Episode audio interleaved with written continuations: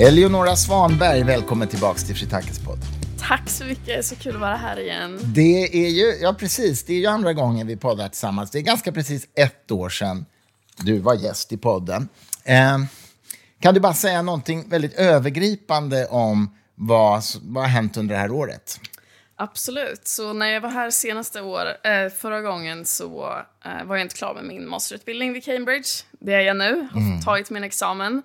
I tillämpad matematik, eller teoretisk fysik. Um, jag... Är det, är det båda, båda de, så att säga? Nej, det heter tillämpad matematik. Mm. Men um, kurserna jag valde, som jag fick välja själv, var alla inom teoretisk fysik. Okay. Så mitt område är då, inom teoretisk fysik och kanske inte typ finans. Mm, som ja, finns ju tillämpad matematik mm. Um, ja, så jag tog examen, uh, fått en doktorandplats vid Oxford, jättekul. Kommer kunna fortsätta uh, läsa vidare på det jag pluggade under mastern. Och eh, innan dess så har jag tagit nu ett år sabbatsår för att fokusera på många roliga grejer, bland annat boken jag skriver med er. Just det, du håller på med en bok, ja. Kan du säga någonting om vad det är för, vad är det för bok du håller på och skriver? Så att säga? Jag tycker att det är viktigt att ta med sig många olika saker när man pluggar matematik. Mm. Uh, det är viktigt att vara öppen, uh, men det är även viktigt att ha med studieteknik och kanske framförallt matematiskt självförtroende, mm. vilket är det jag vill lyfta upp i den här boken. Mm.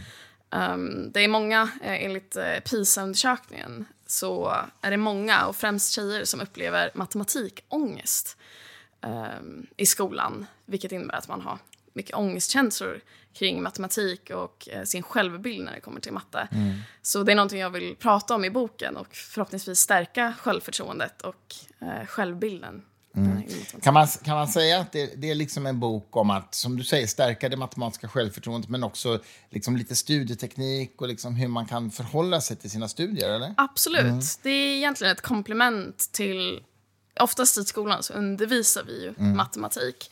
Men man pratar kanske inte så mycket om motivationen till matematik eller vad gör man när man känner sig dum i huvudet som såklart händer oss alla. Mm. Eh, alla matematikstudenter varje dag känner ju sig osmarta. Liksom. Det är en del av processen, men det kan vara jobbigt att hantera de här känslorna och man kanske inte har rätt verktyg. Så mm. det är precis som du säger, studieteknik, men även motivationsfrågor och hur man kan bli inspirerad av matematiken. Mm. Um, så det här komplementet till att faktiskt göra bra ifrån sig inom matematiken men även att bli intresserad uh, mm. och ha kul såklart. Men man kan alltså säga att du är, du är matematiker och fysiker i vardande, så att säga, och eh, ska nu doktorera. Men du är ju också influencer, eller hur? Du, ja. Du är väldigt tydligt på TikTok och vilka, vilka fler kanaler? Precis, TikTok och Instagram är väl där mm. jag uh, etablerar mig mest. Mm. Hur många följare har du nu på TikTok och Insta? Uh, tillsammans har jag över 150 000 följare. Mm. Uh, 160 000 kanske till och med. Mm. Um, ja, precis. Det är väldigt viktigt för mig uh, att när jag uh, blir beskriven som influencer, ibland använder jag ordet STEMfluencer, som STEM, Science, Technology, Engineering, Mathematics, mm. att det jag vill influera är just naturvetenskap och att stärka matematiskt självförtroende då till exempel. Mm. Men även liksom inspirera eh, kring att bli naturvetare, till att forska, till att plugga det här. Um, kanske lite skillnad från andra influencers. Ja, men, men jag tror att det är viktigt att inse att sociala medier är en stor plattform i dagens samhälle. Mm. Och om, om, man vill inspirera ungdomar och nå ut till ungdomar främst så tror jag man behöver använda sig av de här plattformarna. Mm. Um, eller jag vet det, jag har ju sett det i det arbetet jag gör. Så det blev ganska naturligt för mig att söka mig dit. När började du tänka i termer av influencer ändå inom de här områdena? Jag undervisar i matematik och fysik efter gymnasiet. Det var mm. innan jag började mina kandidatstudier. Um, och så sa mina elever men du borde vara på TikTok. Jag bara, nej, men jag vill inte dansa. Framför folk som sa nej, nej, nej, men du, du, kan göra annat också. Och då hade jag jobbat i ungefär fyra år med min organisation Girls in STEM. Mm. Så jag visste redan då att jag hade liksom en passion och jag hade mycket att säga inom det området. Så tänkte jag, men jag kanske ska börja lägga ut där. Och så började jag göra det. Och sen så blev vissa av mina videos så kallade virala. Nådde ut liksom till många människor. Mm. Um, och det som hände sen blev att TikTok um, hittade mig och de verifierade mig. Så jag blev en liksom, etablerad person på TikTok. Och jag började kunna jobba med dem för att uppmuntra naturvetenskap. Och då mm. blev jag så här, nej men, det här är ju, det var ju började liksom som en hobby eller någonting för mig att få på ett kreativt sätt förmedla det jag tror på. Och det jag tycker är viktigt. Men sen blev det ju liksom, så, nej men det här är ju någonting större. Jag kan ju faktiskt påverka på riktigt. Jag kan influera liksom. Alltså, jag, jag, tänker, som du säger, väldigt mycket av influencerbranschen är ju, det är ganska mycket flum, ganska mycket så alternativgrejer, new age, eller också ser det ganska ytliga grejer som ja. smink och kläder och sådär. Eh, hur reagerar människor på TikTok på att du vill förmedla de här budskapen? Alltså får du, får du kritik också? Att du liksom inte hör hemma där? Eller får du bara uppskattning? Lyckligtvis har jag mest fått uppskattning. Mm. Um, jag är väldigt värderingsdriven, mm. så jag kan inte se mig själv lyfta upp någonting annat. Jag kan inte se mig själv vara på sociala medier och lyfta upp någonting som jag inte tror på. Um, så för mig har det varit tidigt tydligt att liksom jag ska lägga ut det här och sen så får jag se om det uppskattas. Och det har uppskattats av många och jag vet att det är många som just använt de orden. Att så här, det är kul att se någonting annat på sociala mm. medier mm. och att det kan lyftas upp till någonting bra. Sen så tror jag att mina videos som jag lägger ut kanske inte alltid gör lika bra ifrån sig som andra videos mm. som andra influencers lägger upp. Och att fashion, liksom kläder och till exempel och smink med kanske gör bättre ifrån sig uh, i den stora skalan. Mm. Så jag tror det har varit en lite längre och lite mer uppförsbacke för mig som då influencer att komma in i de här områden. Mm. Och det har jag även märkt när jag har varit på event, till exempel på TikTok party, så att Um, jag står lite ut. Um, men med det sagt så är det inte omöjligt och det är många som uppskattar det jag gör. Jag tror det handlar mer om att jag behöver nå ut till fler och etableras. Um, och sen jag började, när jag började så tyckte jag inte det fanns så många som la upp saker som jag gjorde.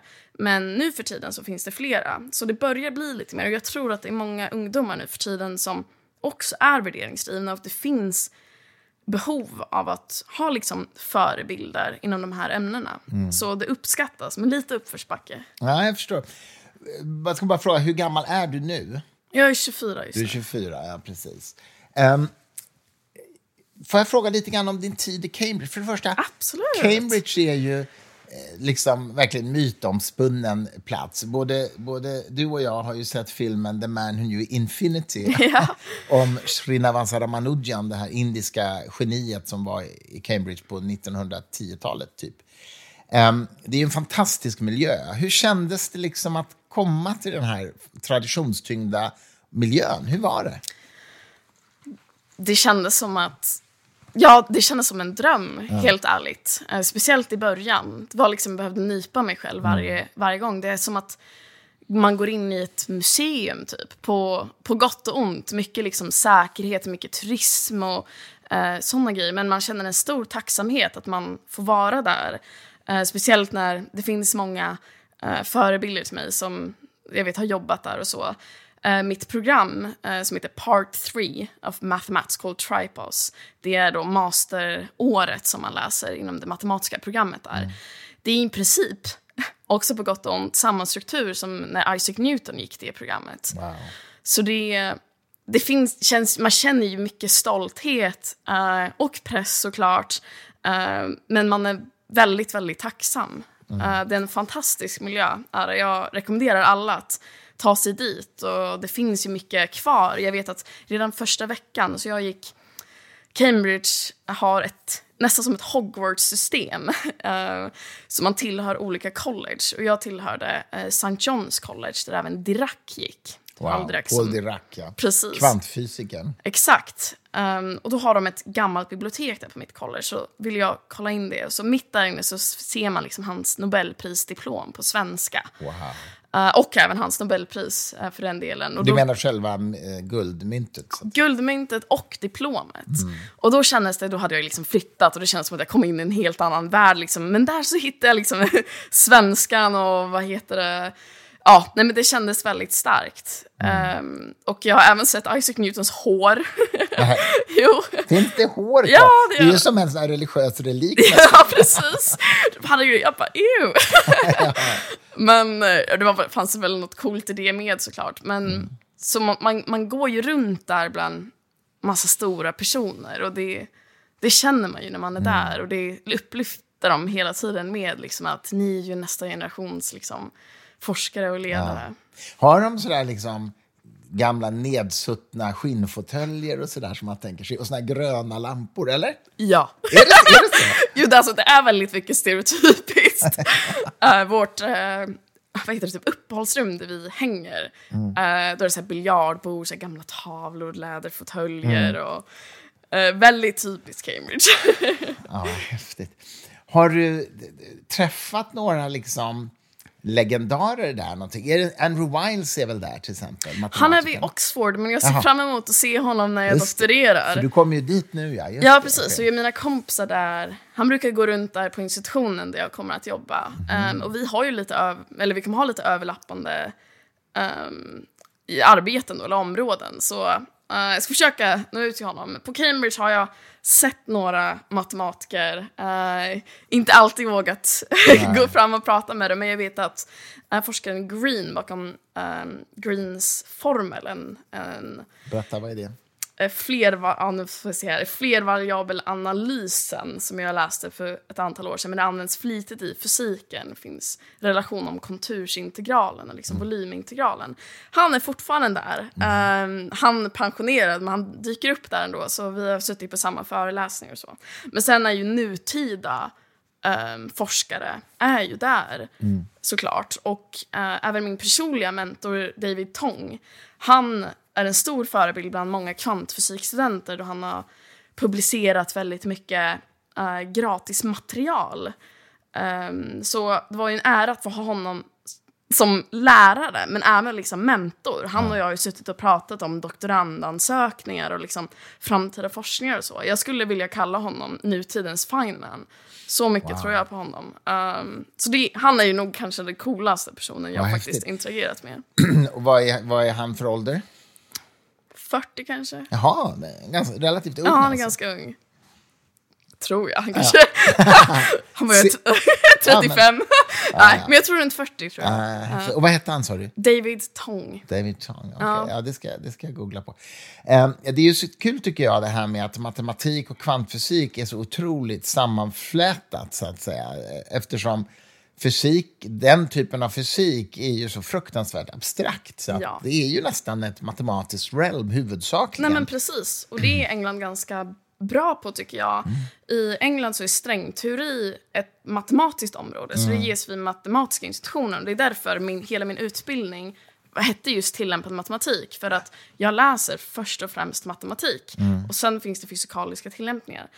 Um, så du, har, du har helt rätt, mm. Eh, och det är det jag tycker om. Det är intressant, eh, tycker jag, det här med strängteorin, därför att jag, en podd jag gjorde för några veckor sedan, som du nog skulle lyssna på, med eh, fysikfilosofen eh, Richard David, heter han. Mm där vi pratade om hur ska man se på vetenskapliga teorier som helt saknar empirisk evidens? Ja. Kan, är det verkligen vetenskapliga teorier eller är det nåt annat? Och liksom, alltså, vi ha, han, han forskar på det här. Mm -hmm. och hur, hur man liksom Väldigt ska intressant och relevant. ja, visst är det intressant. Därför strängteorin är ju en sån teori. Det finns liksom ingen evidens för den överhuvudtaget. Precis, precis. Eh, empirisk evidens. Eh, och det, det, är ganska intressant liksom hur man ska betrakta det, för det känns som att det, det är av en liten annan karaktär än experimentellt baserade teorier. Ja, det håller jag verkligen med om. Eh, men icke desto mindre så är det ju en seriös teori, så att säga. Ja. Eh, och jag kommer ihåg att vi pratade om, det skulle vara kul att höra vad du tycker om det, för vi pratade om det här, kan man anse att enkelhet och beauty i någon mening hos en teori är ett argument för teorins sanning. Och han, den här vetenskapsfilosofen, ansåg inte det. Han sa att man kan inte ta... Einstein tyckte ju det. Att mm. Om det är beauty and simple, då är det liksom ett, har ett värde i sig. Men han tycker inte det. Det, är, det är, inte, det är liksom inte en bra grund för att argumentera för sanning. Nej. Vad tänker du? Jag håller med honom. okay. Jag tycker att det är såklart fantastiskt när teorierna är äh, enkla och vackra. Och mm. det, jag tror att vi vill tro på dem mer. Mm. Men jag tror att äh, universum och uh, vår värld är för komplex att det alltid kommer att funka. Jag tror att vi är väldigt komplexa system som ibland kräver komplexa lösningar. Och sen mm. så tycker jag utifrån rent filosofiskt perspektiv att um, vi borde ta reda på vad som är sanning utifrån andra argument än att det är Ja, vackert. Men det är alltså strängteori du kommer att hålla på med, eller? Ja, mer specifikt så kommer jag att forska på egentligen matematiska verktyg. Så jag kommer sätta på liksom matematikglasögonen och så kommer jag att forska på matten i sig. Vad kan eh, de här rena matematikområdena säga om vår, ehm, vår struktur inom matte? Och sen när jag har rätt ut det, hur lång tid det nu tar, ehm, då kommer jag ställa mig frågan, går det här att applicera på fysikaliska system? Och då hamnar man oftast vid strängteori, speciellt den matten som jag är intresserad av, vilket är typ talteori. Ehm, och då hamnar man i strängteori, man hamnar med eh, kvantgravitation och sånt. Eh, som såklart är väldigt abstrakt och precis som du säger inte evidensbaserade. Jag tror att det finns, alltid finns en nytta av att utforska de här teorierna. Och jag tror även att eh, man ska vara försiktig med att säga så, nej men det här är falskt. Jag tror att som naturvetare ska man vara öppen, som forskare ska man vara öppen för att det kan bli det kanske blir bevisat i framtiden. Och metoderna och verktygen vi tar reda på på vägen kanske blir tillämpade på något annat sätt. Men jag tycker även det finns ett värde att tänka, okej, men om vi generaliserar det här mer, vad händer då? Vad säger att det finns dualiteter mellan matematikens verktyg och fysikaliska fenomen som vi kan bygga upp system för och som vi faktiskt ändå ser och vi vill beskriva. Mm, mm.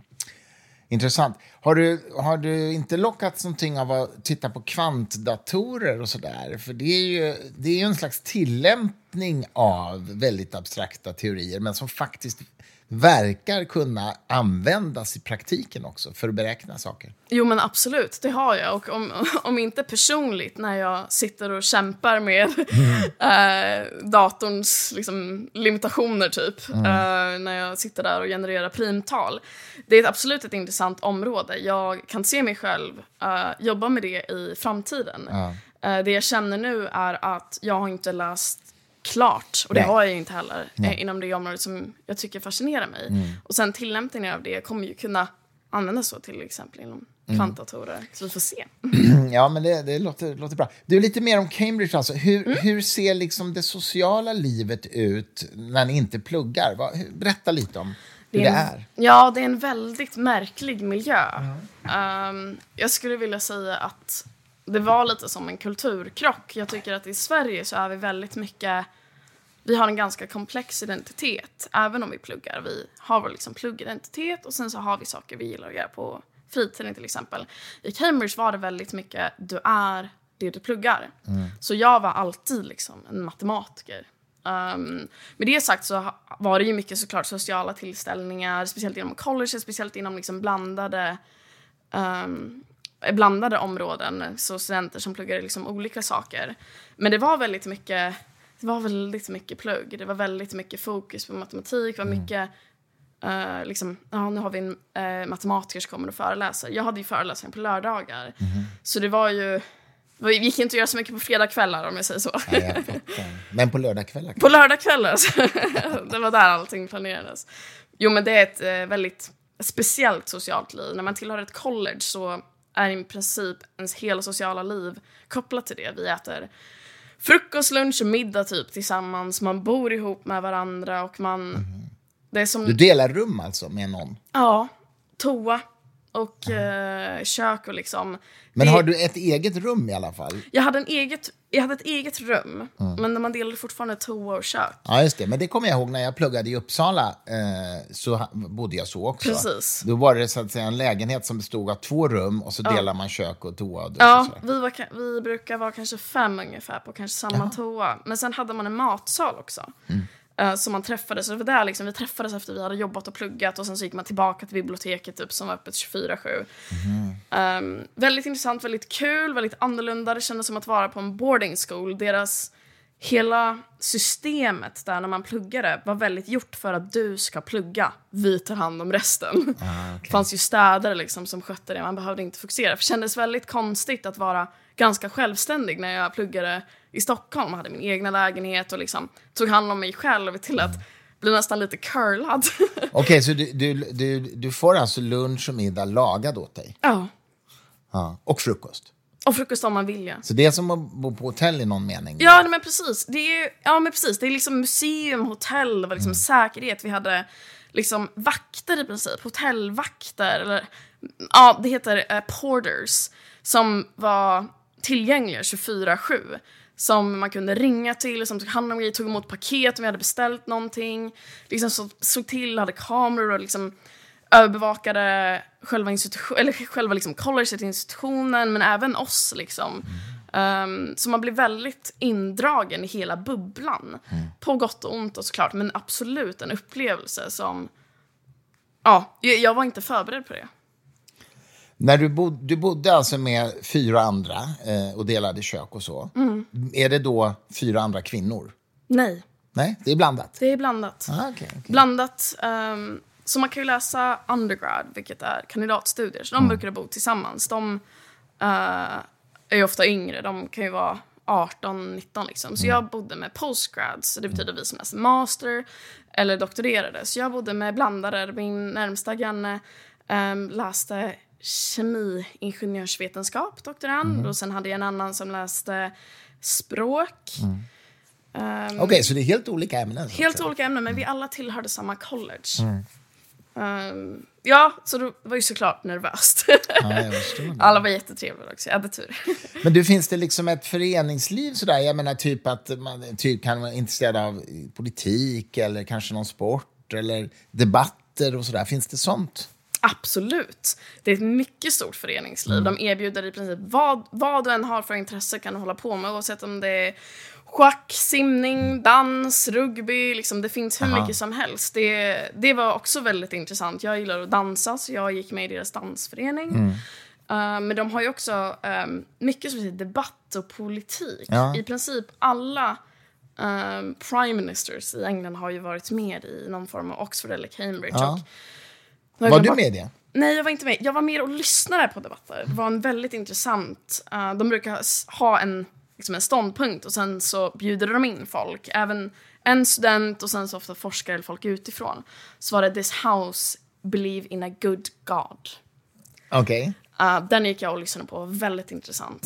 Uh, många argument, mycket diskussioner, det höll på alldeles för länge så jag gick hem tidigare. Men det var väldigt intressant. Ja. Um, och sen vet jag också att han, uh, nu har jag glömt bort namnet på honom, vdn för OpenAI.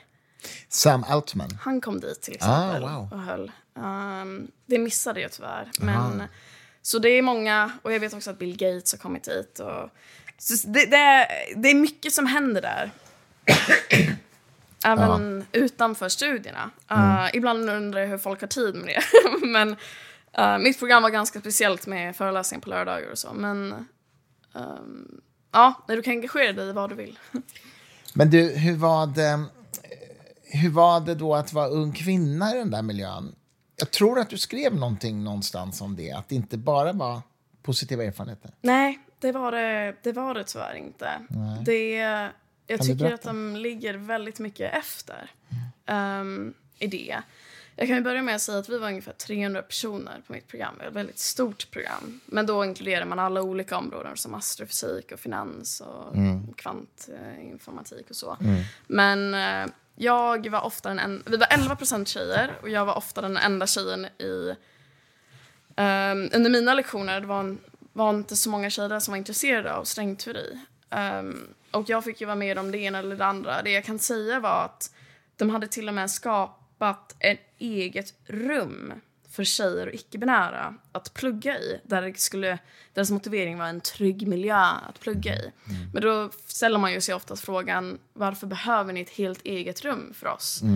Och det var just det, jag tycker att det var och det förvånar mig väldigt mycket. Jag tycker att det finns ju så mycket fantastiska egenskaper med, eh, hos folk som pluggar matematik. Men det kändes som att det fanns väldigt mycket efter när det kom till just inkludering. Och jag vet att under en lektion så var det ju, så var det ju en kille som eh, tog en bild på mig för att jag var den enda tjejen där och han tyckte det var så kul. Vilket jag inte tyckte var kul alls. Så det var väldigt Vad sa du då? då? Bad honom ta bort den eller vad?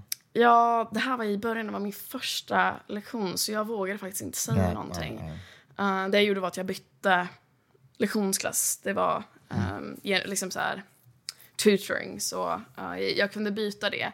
Men det satte, sig, satte ändå ett spår Um, och det kändes bara generellt att det var man stod ut väldigt mycket. Och redan där kände man ju sig, nej men gud jag är så dum, jag fattar ingenting, alla andra fattar. Så man hade ju redan där känslorna. Mm. Men så blev det liksom en helt annan nivå på det. Vilket jag har upplevt förut, men jag tyckte det var väldigt, väldigt starkt där. Det var inga kvinnliga föreläsare heller, mm. utan det var liksom, kändes som att det var jag som behövde bevisa för mig själv och alla att jag vill vara här. Liksom. Mm.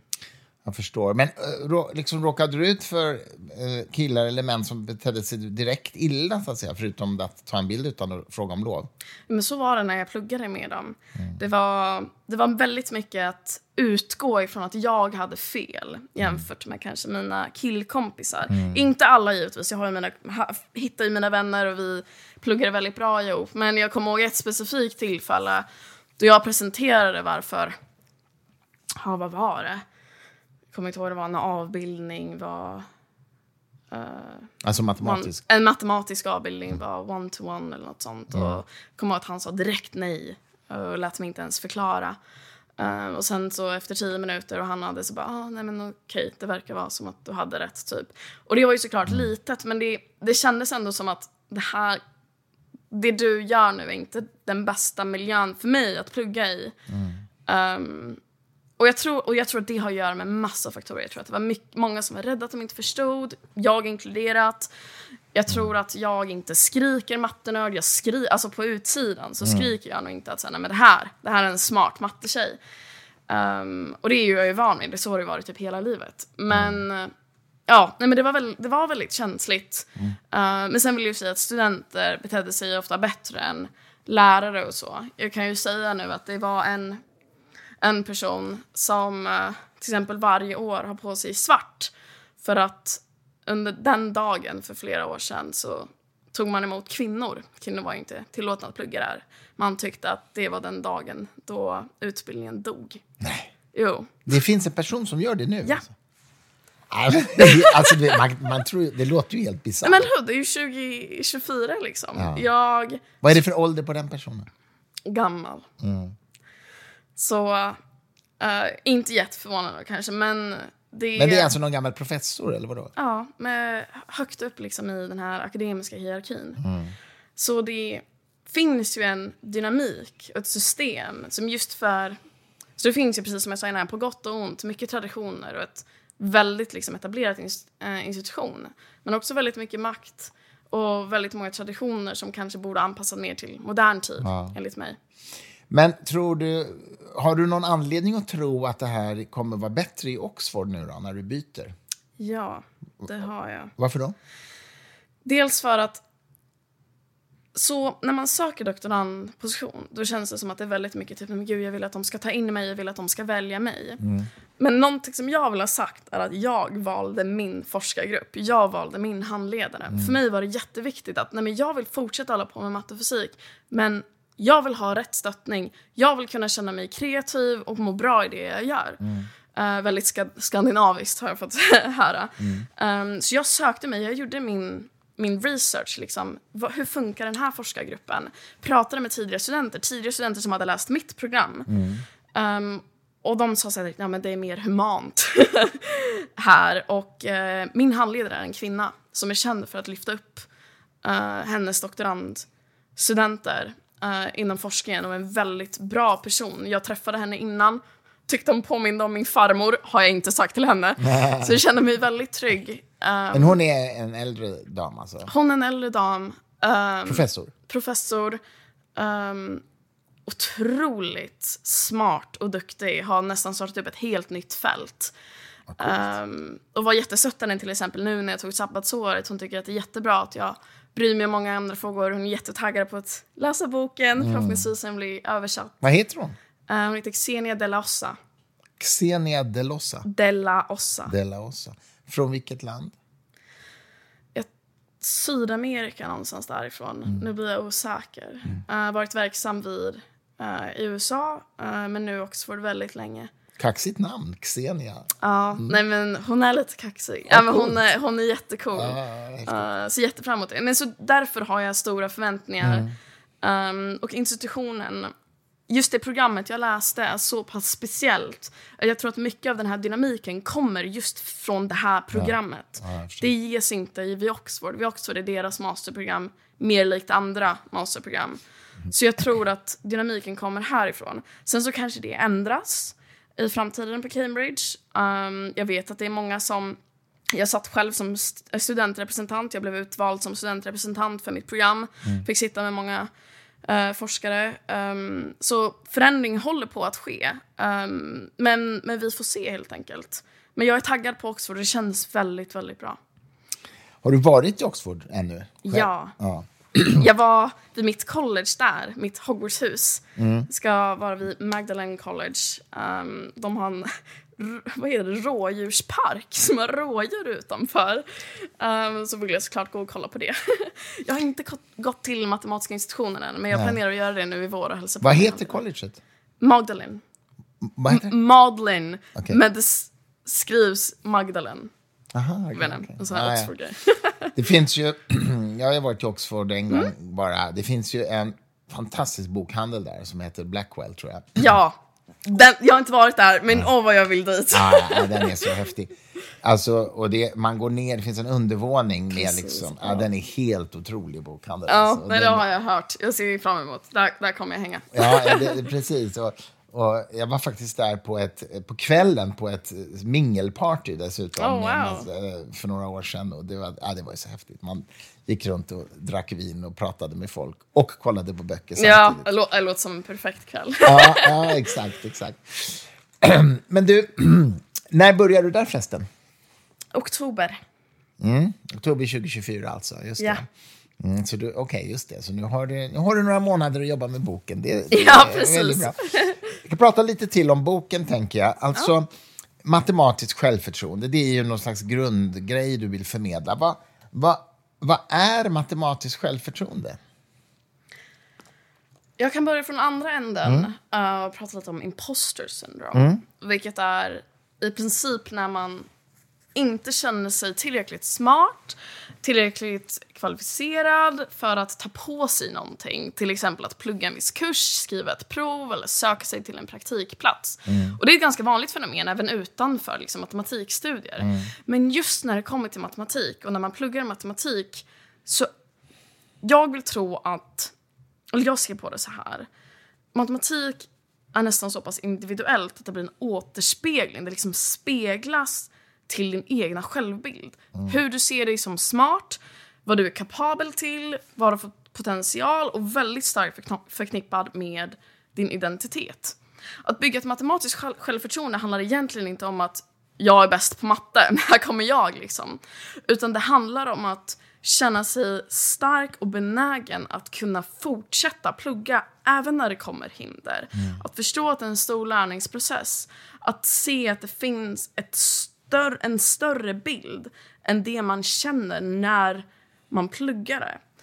Det är ett väldigt speciellt ämne, det tycker jag. Det är svårt att undervisa i skolan. Det är svårt att bygga upp ett sånt här självförtroende. Men jag vet även och jag har sett att när man ger elever självförtroende och när man jobbar med de här frågorna så gör de bättre ifrån sig. De blir mer intresserade av matte och de fortsätter. Um, så det skulle jag säga att matematiskt självförtroende är. Mm, jag förstår. Kan du säga någonting om hur man liksom i praktiken hjälper till att bygga upp ett sånt? Då? Har du något sånt råd? Det kommer Det- mer i boken sen, men ändå en liten teaser. Liten teaser. Ja. Det är alltid viktigt, tror jag, oavsett ämne egentligen, men att påminna sig om varför man vill lära sig någonting.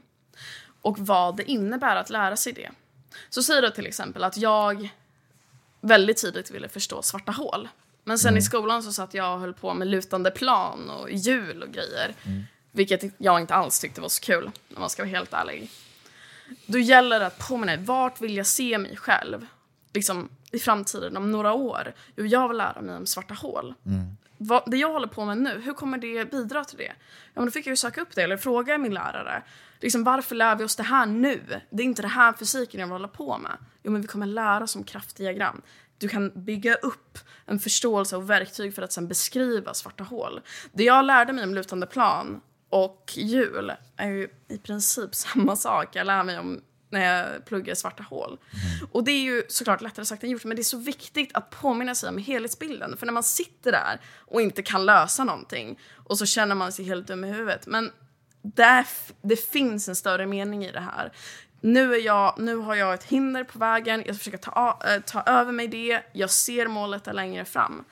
Och det är så lätt i matte att nej men jag är för dum i huvudet för att klara det här. Jag kommer inte fatta det, jag kommer aldrig fatta det här. Men när det sen är till exempel ett historieprov, då vet man ju att ah, jag får bara kämpa med äh, mina instuderingsfrågor. Mm. Jag får söka upp liksom mer. Men i matte blir det så nej, jag är, jag är för osmart. Mm. Men egentligen är det samma grej. Vi får försöka hitta mer och om din lärare inte gör så att du förstår så kanske du behöver någon annan sorts studieteknik. Du kanske behöver söka på ett annat sätt. Mm. Hur ska jag ta över det här hindret? Ja, men jag kanske kan kolla på Youtube till exempel. Ja. Det finns ju faktiskt fantastiskt material på Youtube. Ja, fantastisk värld vi lever i. Ja, ja, men eller hur? Jag vet. Jag menar, det hade ju inte jag när jag pluggade. Nej, nej, nej jag förstår inte hur folk klarade sig. Nej, men faktiskt. Nej, men det är en väldigt bra poäng. Och, och jag tänker också att om man inte om man, inte, om man har en lärare som berättar någonting och man inte fattar, det ju, behöver ju inte bero på att man fattar dåligt. Det kan ju faktiskt bero på att läraren förklarar dåligt. Absolut. Mm. Det är väldigt viktigt att inte lägga det på, si, på sig själv, mm. sin potential. Och det är det jag menar med sig självbilden. Mm. Du ska ha självförtroende nog att inse att okej, okay, det finns externa faktorer som gör att jag kanske Exakt. inte lär mig nu. Mm. Hur behöver jag överkomma det? Um, och det finns ju faktiskt många människor som kan vara jätteduktiga på ett ämne men inte kan förklara det. Aha, det tell ganska, me about ja, it! Menar, ja, men det är verkligen så. Ja, men så är det även på Cambridge. Ja. Många duktiga forskare som kanske inte undervisar på bästa sätt. Och sen, som sagt, studieteknik är ganska individuellt. Mm. Någon, något, någon lärare som passar för, no, för din kompis kanske inte passar för dig. Du, har, du skriver ju också om eh, matematiken och kvinnorna är ju en liten del i ditt manus. Nu ska vi säga, det här är inte ett färdigt manus, så vi får ju se hur det ser ut i slutändan. ja. Men du vill ju ändå säga någonting om det. Vad, vad, vad är det för någonting? Vad är vad du vill säga om matematiken och kvinnorna?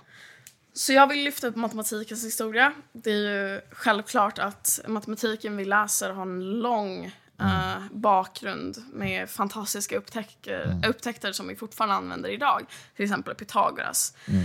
Något som jag tycker är viktigt för mig är att lyfta upp kvinnornas bidrag den här historien. finns... Sonja Kowalewska. Precis, hon mm. är med i boken. Mm. Eller min personliga förebild, jag vill i princip bli henne, uh, min Neuter. Ja, just det. Uh, som håller på med... Berätta om henne. Hon håller på mycket med uh, abstrakt uh, matte, men även hur det appliceras på teoretisk fysik. Så Einstein han höll på med sin relativitetsteori så insåg han att bevarandelagarna inte riktigt gick ihop. Och då... Vad är bevarandelagarna då? Precis, det är, det är, det är då teorin om att eh, energin i ett system ska vara bevarande. Om du tar ut någonting så ska det komma tillbaka på något ja. sätt. För den går inte att förstöra? Så att det går inte att förstöra, precis. Den omvandlas mm. och den finns där. Um, Emmy Neuter jobbade mycket med att um, sambandet mellan hur symmetrier i naturen mm. ger upphov till de här energilagarna. Um, vilket är ett fantastiskt. Hon har ett uh, teorem, Neuters uh, teorem som jag har så vetat om länge men som jag äntligen fick plugga de uh, senaste året i mina studier. Um, och Einstein då hörde av sig till henne och du måste hjälpa mig lösa det här. Och då gjorde hon det. Så wow. vi hade inte haft en relativitetsteori om det inte vore för henne. Och det är många som inte vet om det. Wow. Um, och med alla hinder hon stod inför under den tiden um, lyckades hon liksom ändå bli en etablerad uh, matematiker. Mm, vilket är så inspirerande på så många sätt. Så tacksam för det arbetet hon gjorde, men även um, för, för det andra arbetet hon gjorde för att kämpa sig igenom. Mm. Det, det är tack vare henne och många andra som jag nu kan plugga matematik idag. Ja, en fantastisk historia. Och det är ju så, eh, som kanske många inte vet, att Einstein var ju inte så himla bra på matte egentligen. Nej. Eh, han var ju en fantastisk tänkare, men han behövde ju hjälp med matten. Ja, och det, och det är inget fel med det egentligen. Nej, nej. Uh, men det är ju viktigt att lyfta upp, såklart. Mm, mm. Um, och så Sonja Kowalewska som väl var världens första kvinnliga professor i matematik, va? Så ja, jag vet. Mm. vid Stockholms universitet. Mm, dessutom, väldigt, ja. väldigt stolt. Mm. Ja, Fellows, SU-alumn. Hon var, hon var väl ryska då, ja. Precis. Precis. Tror jag. Ja. ja. Och, uh, ja, nej, det finns ju en del fascinerande förebilder som vi då förhoppningsvis får läsa om i din, ja. i din bok. Um, um, du, har, du skriver ju också en del om hur kan matematik vara vackert? Um, tycker du att matematik är vackert? Ja, jättefint. vad, vad betyder det för dig? Vad menar du med det? Liksom? Jag, tror det, jag tror att det är mycket som motiverar mig till att fortsätta plugga matematik mm. är för att jag vet att det finns vackra saker att hämta. Um, jag tycker att det hjälper mig när jag pluggar att se att ett bevis blir vackert. Men jag tycker även att det blir en som form av kreativitet bakom det. Jag, jag älskar konst. Annan sorts form av konst. Men jag tycker att det gör att matematiken nästan också blir en form av konst. Um, och det liksom ger mig någonting annat än att kanske, ja, men nu kan jag tillämpa matematiken på något speciellt sätt. Eller nu mm. har jag löst det här problemet. Utan det är liksom, ja, nej men Ja, det är så svårt att förklara det. Ja, det, är liksom så... det är en känsla ja. egentligen. Ja, det är en mm. känsla. Är det därför du tycker om talteori? För att det handlar ju just om de, talens liksom, egenskaper. Och, och där kan man ju, primtal, det är ju vackert. Det fattar väl alla? Precis. Så, men så känns det lite. Jag tycker som du, som du vet. Och det är nästan så här, det känns ju självklart att det är vackert. Jag tycker, men, men det är svårt att förklara. Det är svårt att förklara. Um, mm. Jag tror att det går att bygga upp. Uh, jag tror att det går att romantisera matematiken tills man hittar det här, mm. uh, det här vackra. Men du har helt rätt. Talteori tycker jag är en av de vackraste mm. matematiska områdena. Och det har jag tyckt mm. länge. Så jag är väldigt glad att det kan även appliceras på liksom, fysik. Uh, det som jag också tycker är vackert av kanske en annan anledning. Att det går att applicera på verkligheten, förklara universum och så. Men hur primtal fungerar och uh, hur märkligt det är är ju saker som jag tycker är liksom existentiellt vackert. Mm. Um, så jätteglad glad att jag får plugga det. Um, och sen kan jag också jämföra olika matematiska områden. Det här kanske jag inte tycker är lika vackert som det här. Liksom. Ja, precis. Och där har du ju en fin föregångare just på Cambridge, nämligen Srinivasa Ramanujan, den indiska underbarnet i matematik Precis. för hundra år sedan. Ja, hans, uh, hans arbete hade jag till och med med i min uppsats. Jaha. Vilket var lite kul. Vad roligt. Ja. Nej, men han var ju en fascinerande person och han var ju djupt religiös hindu och trodde ju att uh, matematiska insikterna kom från gudinnan Nam, Nam, Namagiri till honom på natten Precis. när han sov. Och hans eh, handledare Hardy sa ju liksom att du, som var ateist, så du kan inte bara säga så, du måste ju bevisa, du måste ju härleda dina tolvteoretiska satser. Precis, vilken hård träning i matematikernas arbete. Ja, men det stämmer, det finns fortfarande liksom, fortfarande skämt om det i, i fältet där jag jobbar, liksom ja. att så här, Ja, eh, vi får använda Ramanujans formel till det här men den är inte bevisad och vi har ingen aning om hur han, kommer, hur han kom på det heller. Ja. Um, och, det, och det var någon gång där jag bara, nej men okej, kan vi inte komma på det här då? Och så sa min handledare, den enda som skulle kunna komma på det är Ramanujan. ja, det är bra. La inte du ut en bild på hans anteckningsbok? Eller har jag sett det någon annanstans? För den finns väl där i någon glasmonter? Den finns där, jag har sett den. Jag vet inte om jag har lagt ut en bild på jag det. kanske inte har. Men... Uh, man får inte ta bilder på det där. Får man inte? Nej. Varför då? I bibliotek, uh, det är Trinity, det colleget som mm. han var verksam. Mm. Får man inte, jag tror det är vissa få gånger man får ta bilder. Men när jag har varit där har man inte fått ta bilder. Då är det mm. hemligt, allt det här med Isaac Newton och så. Men Ramanujans anteckningar är rätt säker på finns där. Ja, ja just det. Jo, nej, men jag har sett det någonstans ja. i alla fall.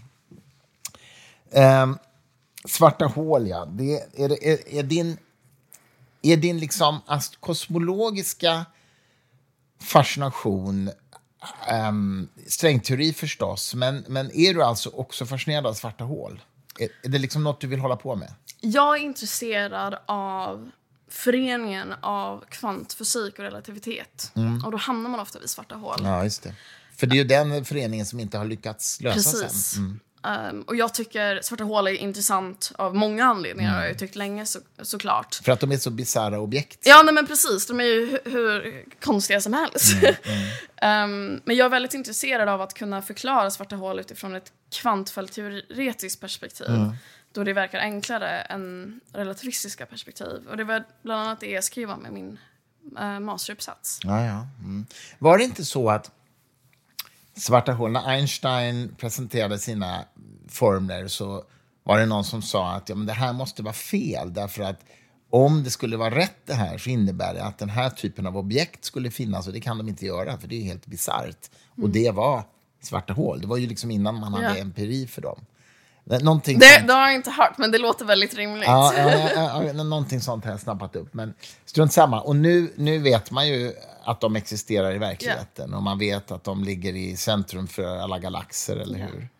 Ehm, och det var någon fysiker som sa till mig också att när man kommer tillräckligt nära ett svart hål så byter tid och rum plats. Jag, jag vet inte vad det betyder. vet du det? Eller? Jag vet knappt heller vad det innebär egentligen. Ja, det, är svårt att, det är svårt att liksom intuitivt förstå det. Ja, absolut. Nej, men, och det tycker jag är intressant. För det är då, när man kommer dit, det är då man får börja förlita sig på matematiken. Mm. Och sen får man sitta och fundera väldigt, väldigt länge vad det skulle kunna innebära fysikaliskt. Ja, ja, ja, precis. Tror du att man, tror du att man någon gång ko- kommer att kunna göra liksom experiment, experiment med svarta hål i någon mening? Även om det är genom observation via teleskop eller något sånt där. Jag hoppas på det. Mm. Jag hoppas verkligen på det. Jag, Eller kan man skapa ett svart hål i ett laboratorium, tror du kanske? Ett väldigt litet svart hål? det hade jag blivit förvånad över om det gick. Ehm, Okej. Men jag... Så här brukar jag tänka kring uh, såna här frågor. Ehm, jag tror att... Eller för länge sedan så visste man inte ens om man skulle någonsin kunna förstå någonting om himlen till exempel. Det kändes himla långt ifrån. Som du säger så visste vi inte ens att svarta hål skulle vara ett objekt Nej. som skulle kunna existera. Så jag tycker att jag är ganska begränsad över den kunskapen som jag vet nu med vad som faktiskt skulle kunna vara möjligt. Det jag hoppas på, absolut, och jag inte, skulle inte vara så jätteförvånad om vi kommer fram till det, är att vi hittar verktyg som gör att vi kan förklara det. Ehm, jag hoppas att jag får uppleva det. Ehm, men vad jag tror på, det vet jag inte. jag kan säga vad jag hoppas på. Ja, ja, det är bra. Det är bra. Något som jag skulle vilja också att man någon gång kan få, en intuitiv förståelse för, det är ju sammanflätningen av kvantfysiken. Ja. Det, det vore så häftigt liksom, om man kunde, om man kunde lösa det i den meningen att det känns naturligt att det är så. precis. För nu- Nästan vackert. Ja, exakt. och enkelt. Ex- exakt, ja, men exakt. Jag menar, vi vet Ja, ju att det är så och så vidare. Det är ju jätteexperimentellt verifierat. Men att det känns liksom så här, ja, men det är klart naturen funkar så. Och där är vi ju inte. Nej, än, det är vi inte. Tvärtom. Ja, Liksom. nej, men så är det. Och vi, precis, vårt framework um, behöver revideras väldigt mycket, tror jag. Mm. Men jag ska göra mitt bästa. Bra! Det hoppas vi verkligen. Vi ska faktiskt avrunda där. Och eh, jag vill säga lycka till förstås i Oxford när du väl börjar där. Det är ju om några månader. Vi kommer säkert se mycket av dig innan dess. Men eh, tack för att du var med, Elinora Svanberg, i Fritankens podd. Tack så jättemycket.